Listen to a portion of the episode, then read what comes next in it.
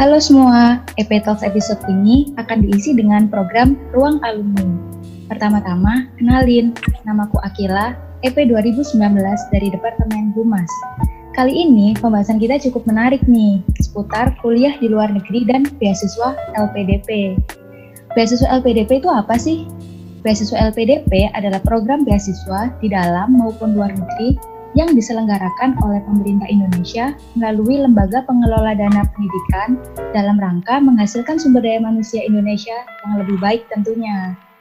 Nah, di podcast kali ini, aku bakal ngobrol sama salah satu awardee atau penerima beasiswa yang juga alumni dan dosen di Ekonomi Pembangunan, yaitu Pak Wahyu Wisnuwardana. Assalamualaikum Pak Wahyu. Waalaikumsalam, Akila. Hai. Ya, uh, gimana nih Pak kabarnya? Alhamdulillah sehat. Gimana Akila? Sehat juga ya? Iya, sehat juga Pak. Hmm. Uh, mungkin Pak Wahyu boleh memperkenalkan diri dan cerita sedikit background Pak Wahyu. Oke, okay. uh, jadi uh, teman-teman nama saya Wahyu Wisnuwardana. Saya alumni Ekonomi Pembangunan atau EP Universitas Erlangga tahun 2010. Uh, eh, saya bidik misi angkatan pertama dan saya juga S2-nya penerima beasiswa LPDP. Aktivitas saya sekarang, saya mengajar mahasiswa S1 di Departemen Ilmu Ekonomi FEB UNER, kemudian melakukan penelitian di bidang development atau pembangunan dengan bergabung uh, bersama sebuah lembaga penelitian yang namanya Riset. Um, terima kasih sudah diundang dalam forum kali ini. Ini merupakan sebuah kehormatan bagi saya untuk bisa sharing dengan teman-teman sekalian uh, uh, mahasiswa ekonomi pembangunan Universitas Airlangga. Ya, itu Akila. Thank you. Iya, makasih Pak Wahyu. Mm -hmm. uh, mungkin saya bisa masuk ke sesi tanya jawab ya Pak?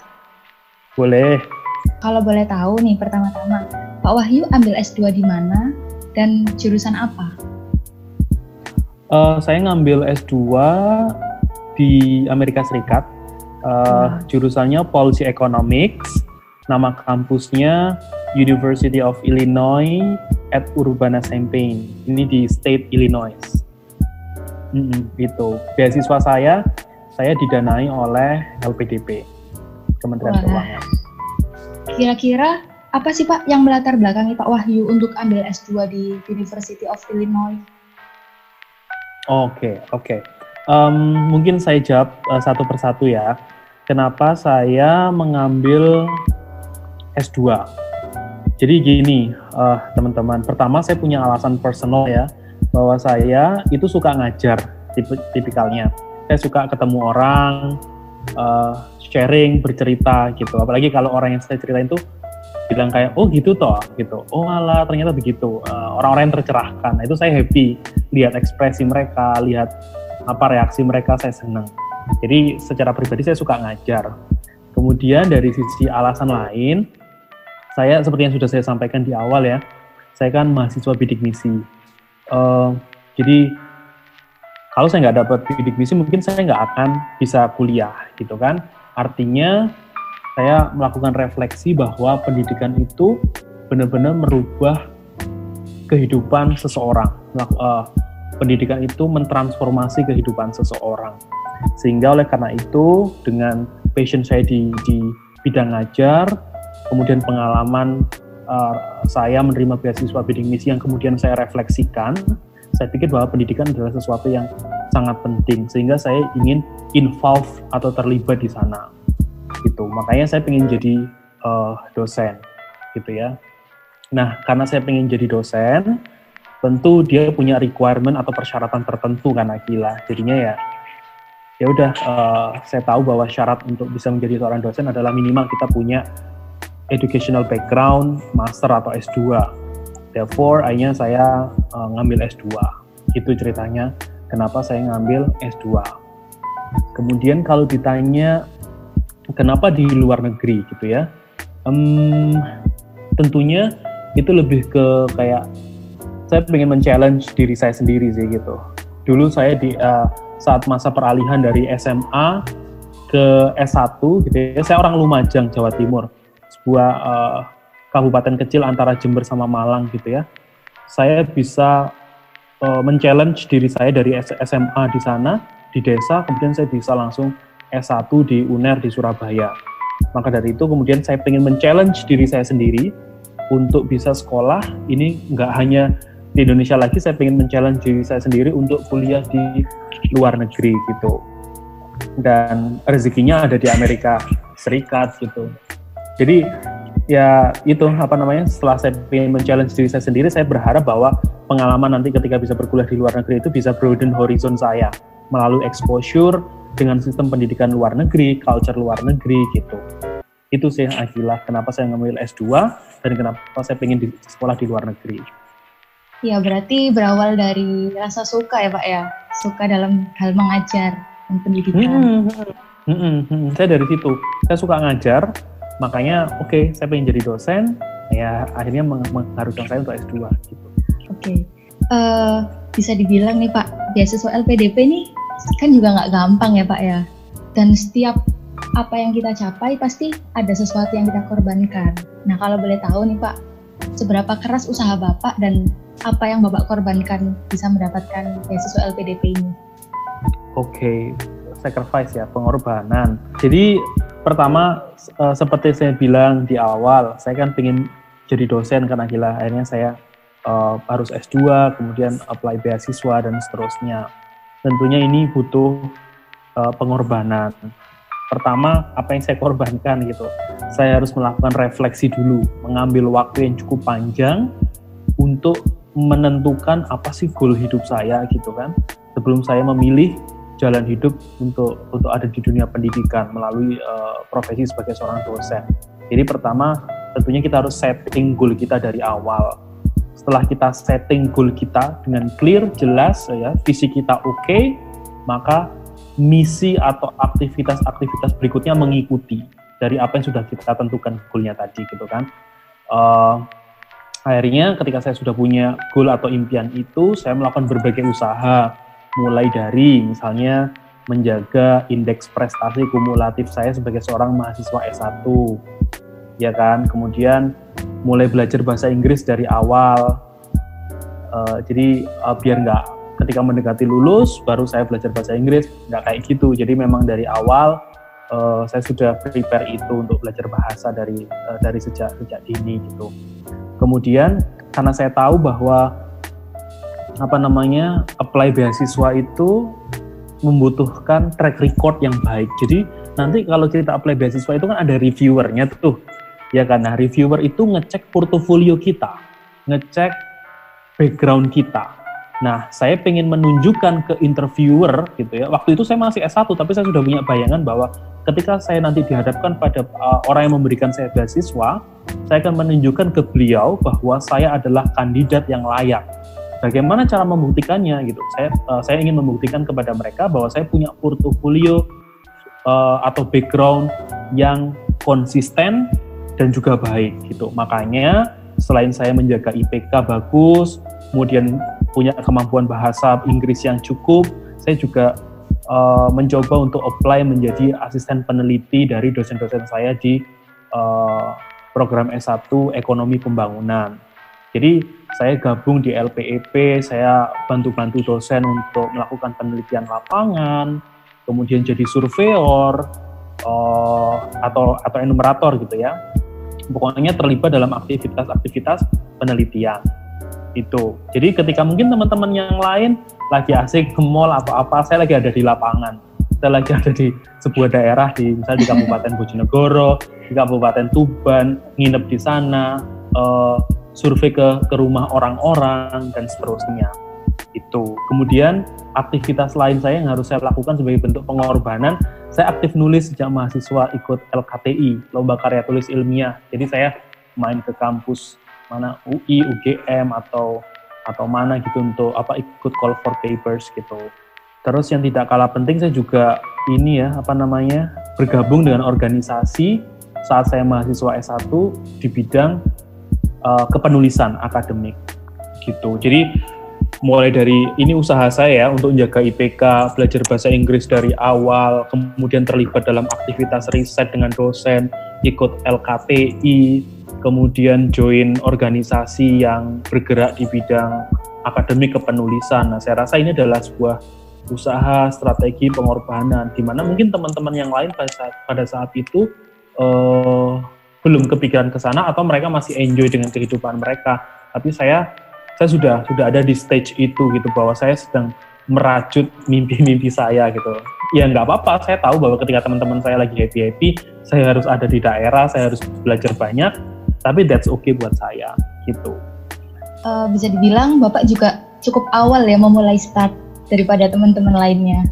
Iya, ha jadi saya memang start dari awal bahwa ketika saya mau masuk, uh, saya masuk S1 awal itu saya sudah berpikir, saya mau ngapain sih selama empat tahun kuliah di kota Surabaya gitu. Itu sudah saya pikirkan dari awal sih Akila.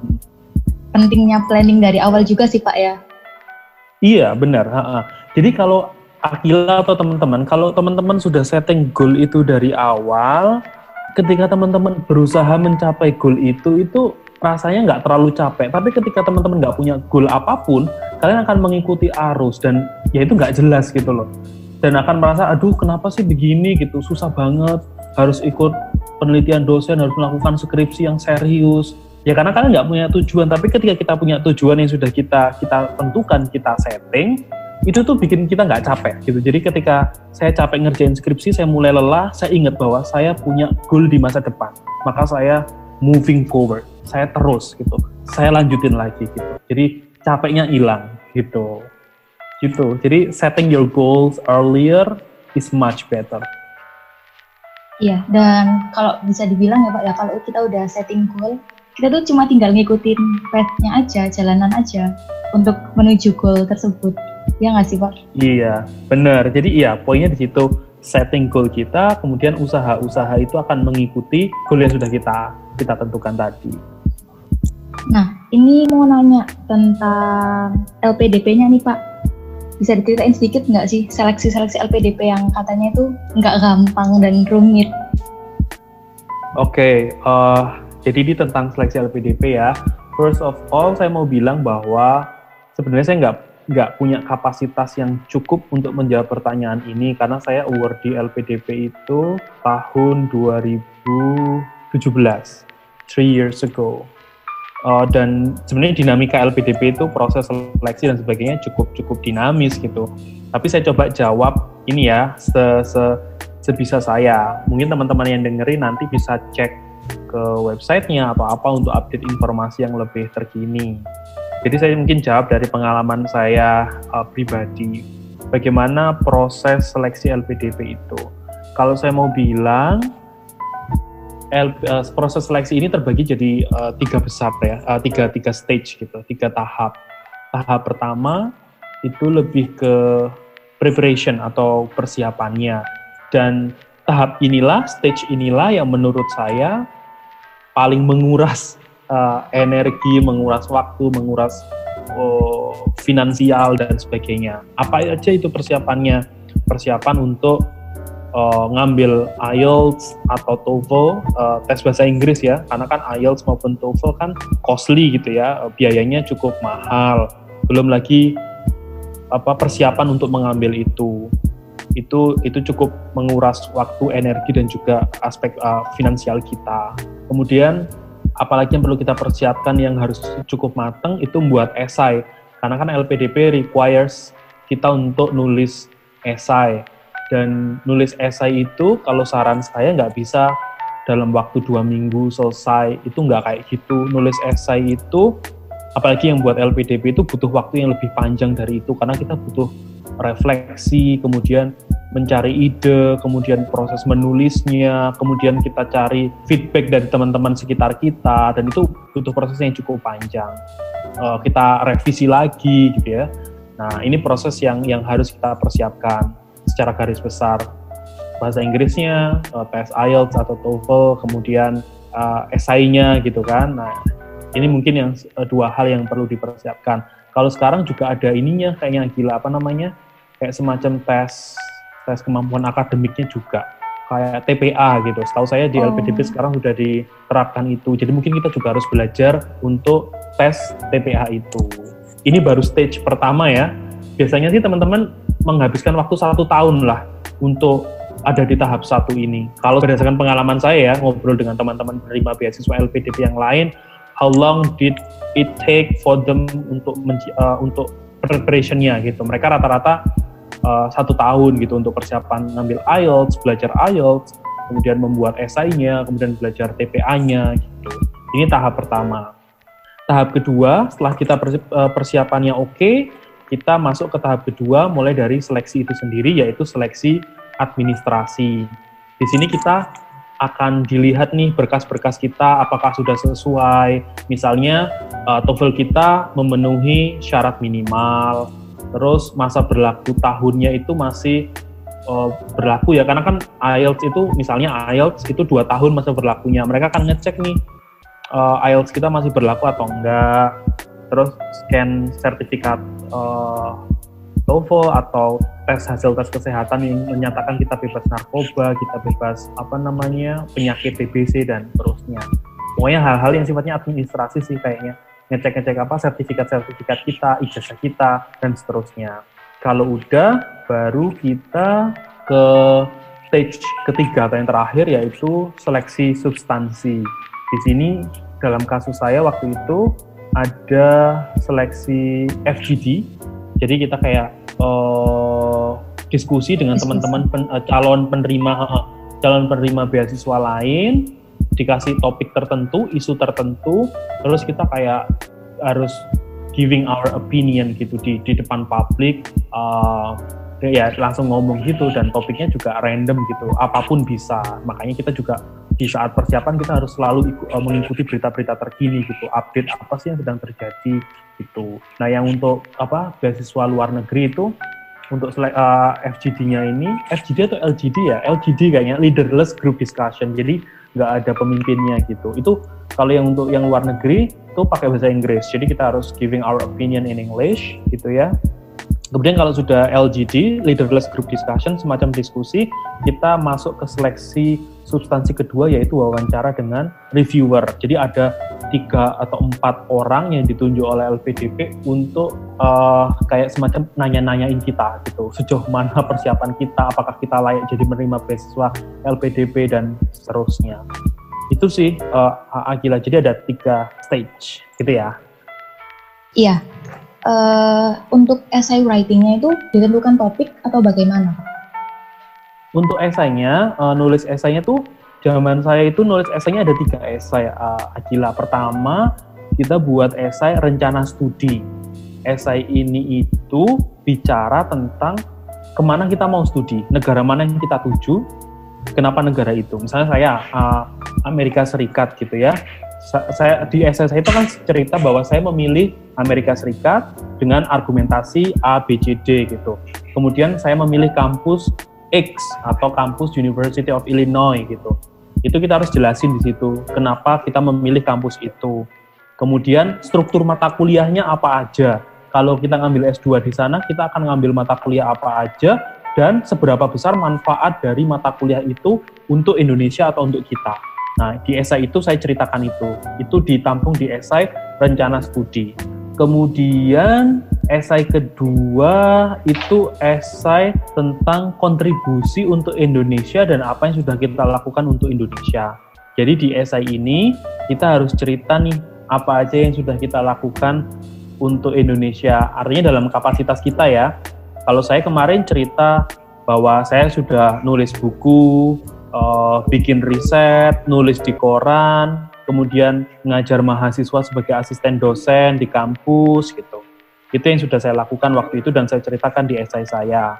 Nah, kemudian di bagian berikutnya dari esai ini saya bicara bahwa saya akan punya planning, punya rencana untuk berkontribusi di, ke Indonesia dengan cara menjadi peneliti dan dosen gitu. Itu untuk esai kontribusi untuk Indonesia dan apa yang sudah saya lakukan untuk Indonesia. Esai terakhir itu tentang, if I'm not mistaken, hmm, kesuksesan terbesar dalam hidup. Ya, kesuksesan terbesar dalam hidup. Di esai ini saya bicara tentang bagaimana saya define atau mendefinisikan kesuksesan. Apakah itu bersifat materi atau happiness atau bagaimana. Dalam kasus saya kemarin saya cerita bahwa salah satu kesuksesan terbesar saya adalah saya menjadi wisudawan berprestasi di UNER, kemudian uh, orang tua saya masuk di undangan wisuda itu lewat jalur VVIP. Jadi yang yang apa uh, kursinya khusus gitu.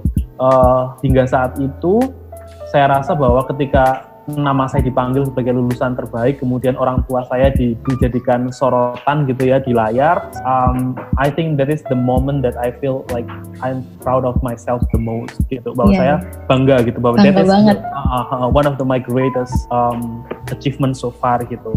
Dan itu saya ceritakan di esai itu. Jadi ketika saya melihat orang tua saya happy, uh, saya happy dan saya define itu sebagai salah satu kesuksesan, kesuksesan terbesar saya. Gitu, Akila. Wah, hebat banget sih, Pak uh, untuk LPDP ini kompetitif apa sih Pak? Apa kuota setiap tahunnya sudah ditentukan atau bagaimana? Hmm, terkait dengan tingkat kompetisi di LPDP itu sendiri, uh, to be honest, uh, saya tidak ingat ya, uh, dan saya juga tidak punya kapasitas untuk menjawab pertanyaan ini. Uh, tapi setahu saya, kuota untuk setiap uh, rumpun ilmu itu sudah diatur. Jadi uh, yang eksakta atau yang jurusan apa science gitu itu sekian persen. Kemudian yang jurusan sosial social science kayak kita uh, economics uh, sosial humaniora dan sebagainya itu juga sudah disetting berapa persen dari jumlah penerima beasiswa pada tahun tertentu.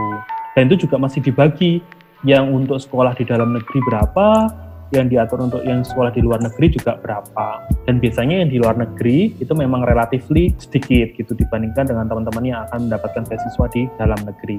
Uh, ya karena mungkin tentunya karena ini menyangkut besarnya biaya ya, karena kalau mengirim banyak mahasiswa sekolah di luar negeri tentunya itu sangat ini besar sekali biayanya. Jadi memang dari sisi jumlah untuk penerima beasiswa LPDP luar negeri itu nggak nggak terlalu banyak gitu. Dan satu poin yang ingin saya sampaikan bahwa ketika kita mau apply beasiswa, kita ya bolehlah kita apa namanya nyari tahu tingkat kompetisinya seperti apa. Tapi there is one more important point gitu buat saya bahwa mungkin mengetahui bahwa beasiswa itu kompetitif atau enggak itu adalah sebuah informasi yang penting. Tapi informasi yang jauh lebih penting dari itu adalah bagaimana kita mempersiapkan diri kita secara pribadi. Jadi kalau kita sudah prepare dari awal dari awal dengan sangat baik.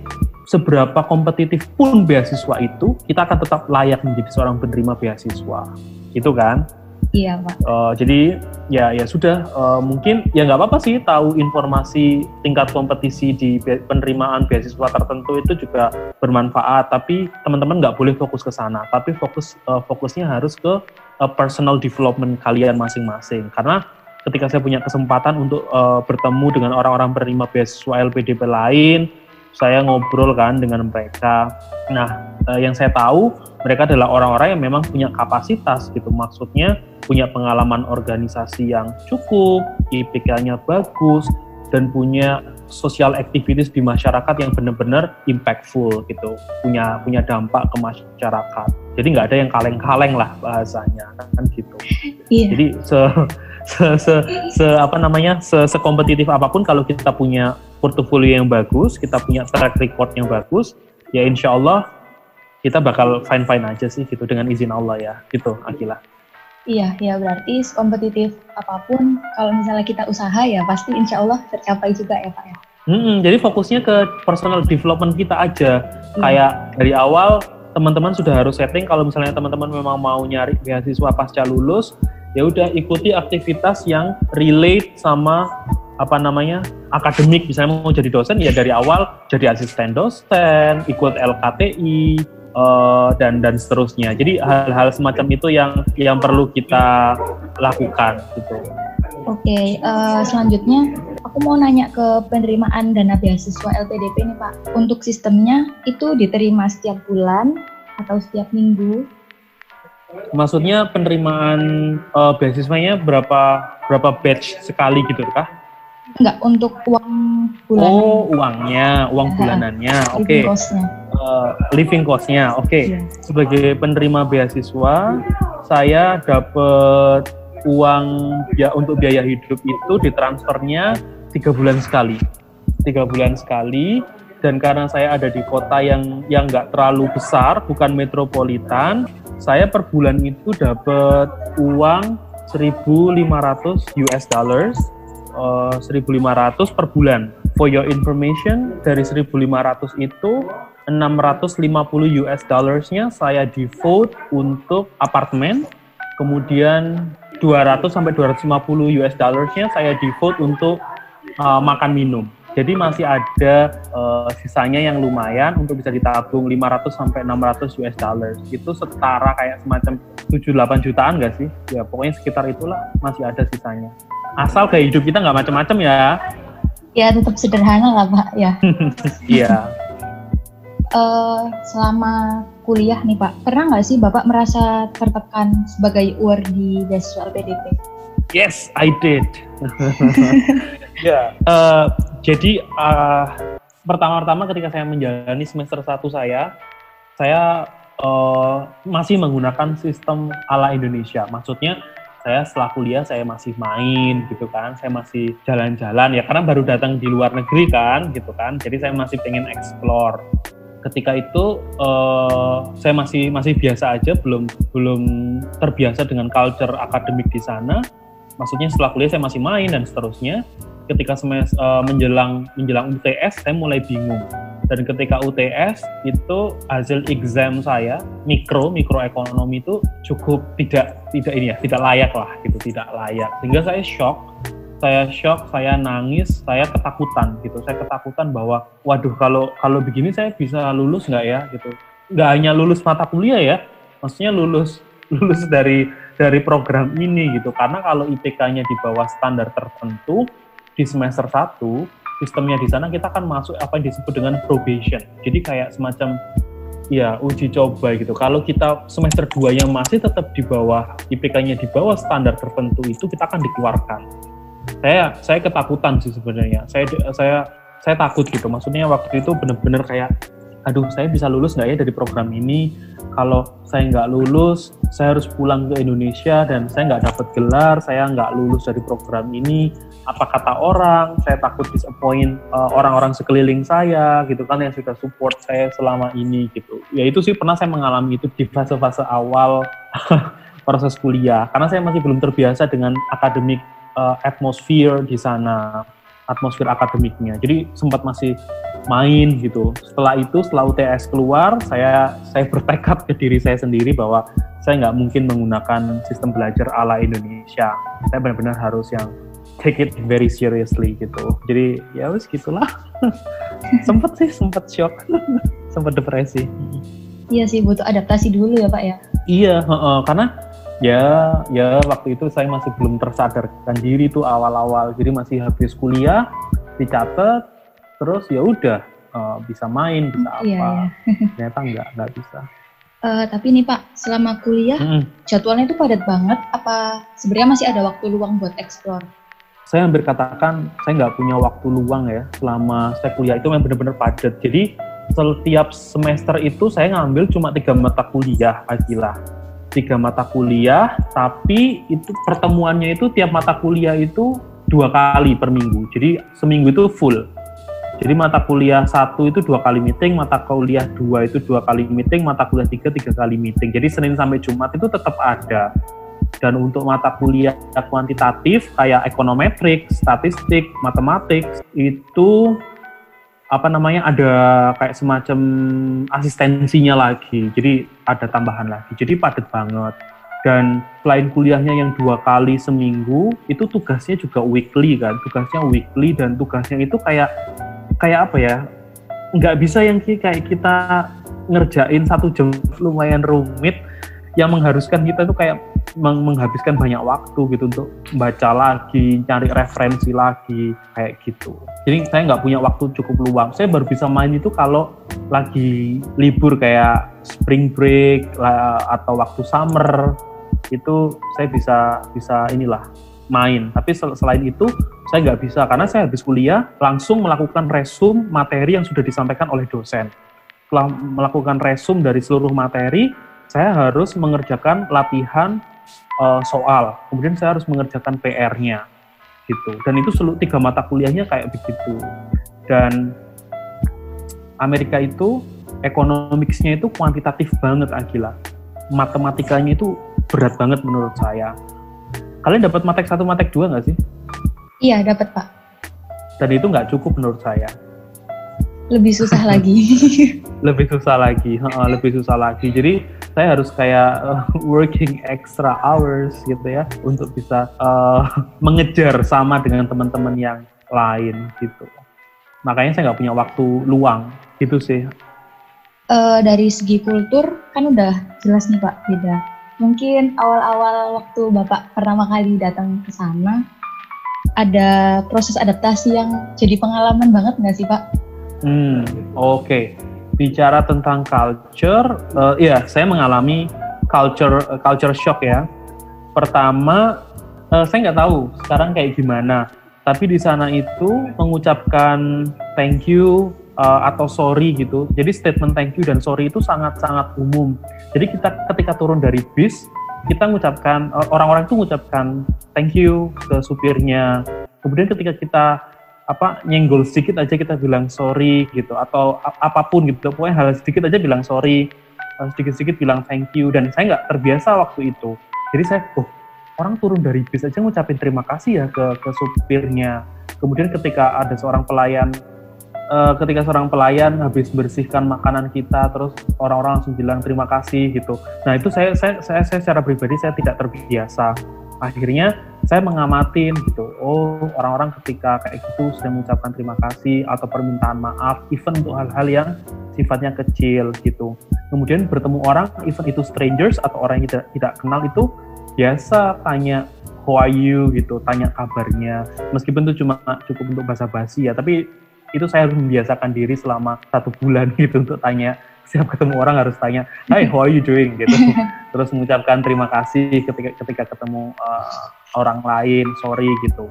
Dan itu saya caranya ya, saya observe, saya mengobservasi, uh, kemudian saya meniru gitu. Ya mungkin seperti itulah uh, culture bekerja ya.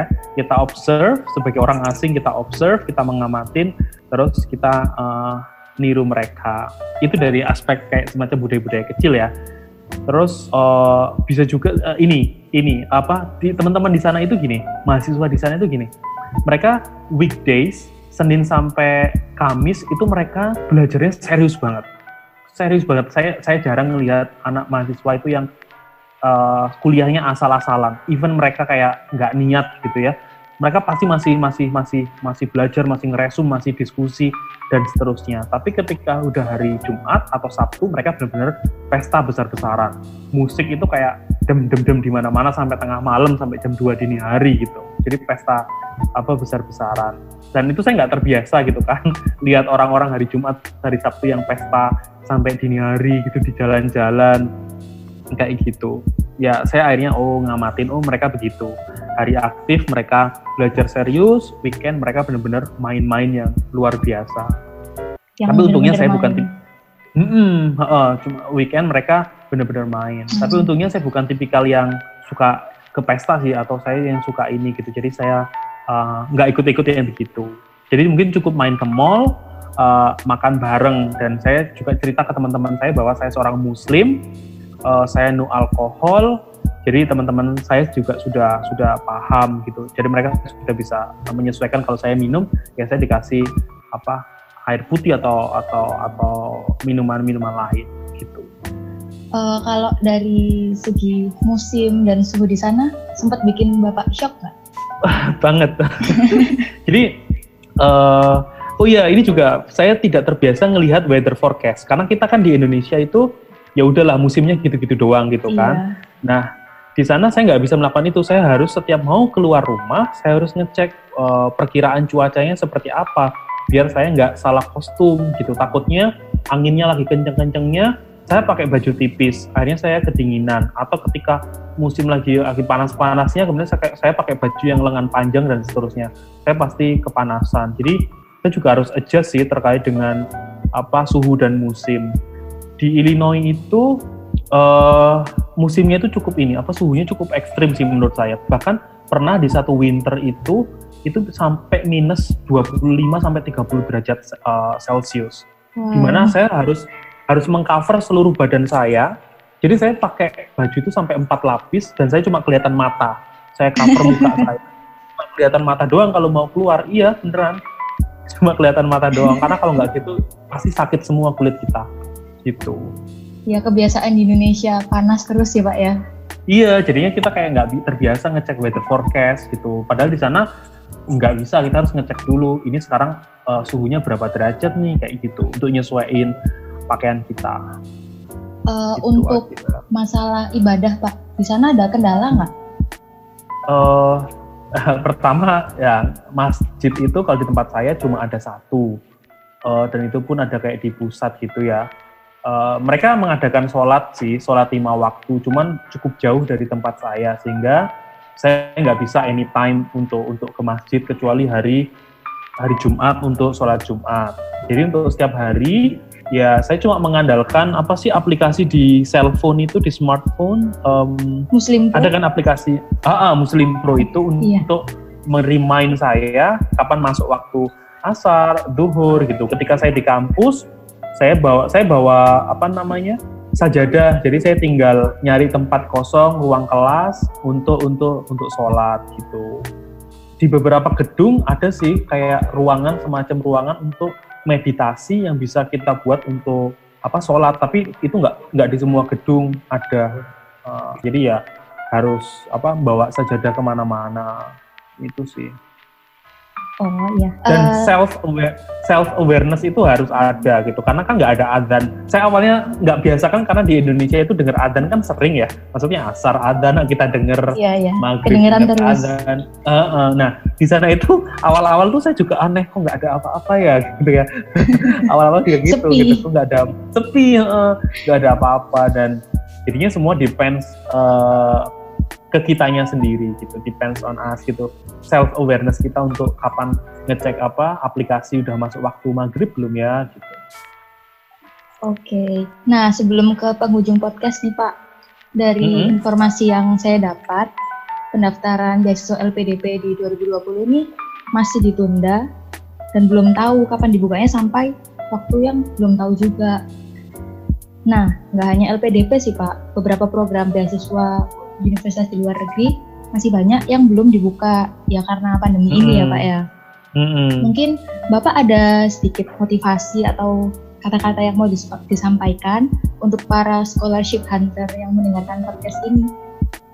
Oke, untuk teman-teman yang mendengarkan podcast ini gitu ya, uh, ini khususnya bagi mereka yang tertarik di dunia akademis gitu, atau atau in general lah secara umum bahwa pertama saya ingin sampaikan bahwa setting goal dari awal itu penting.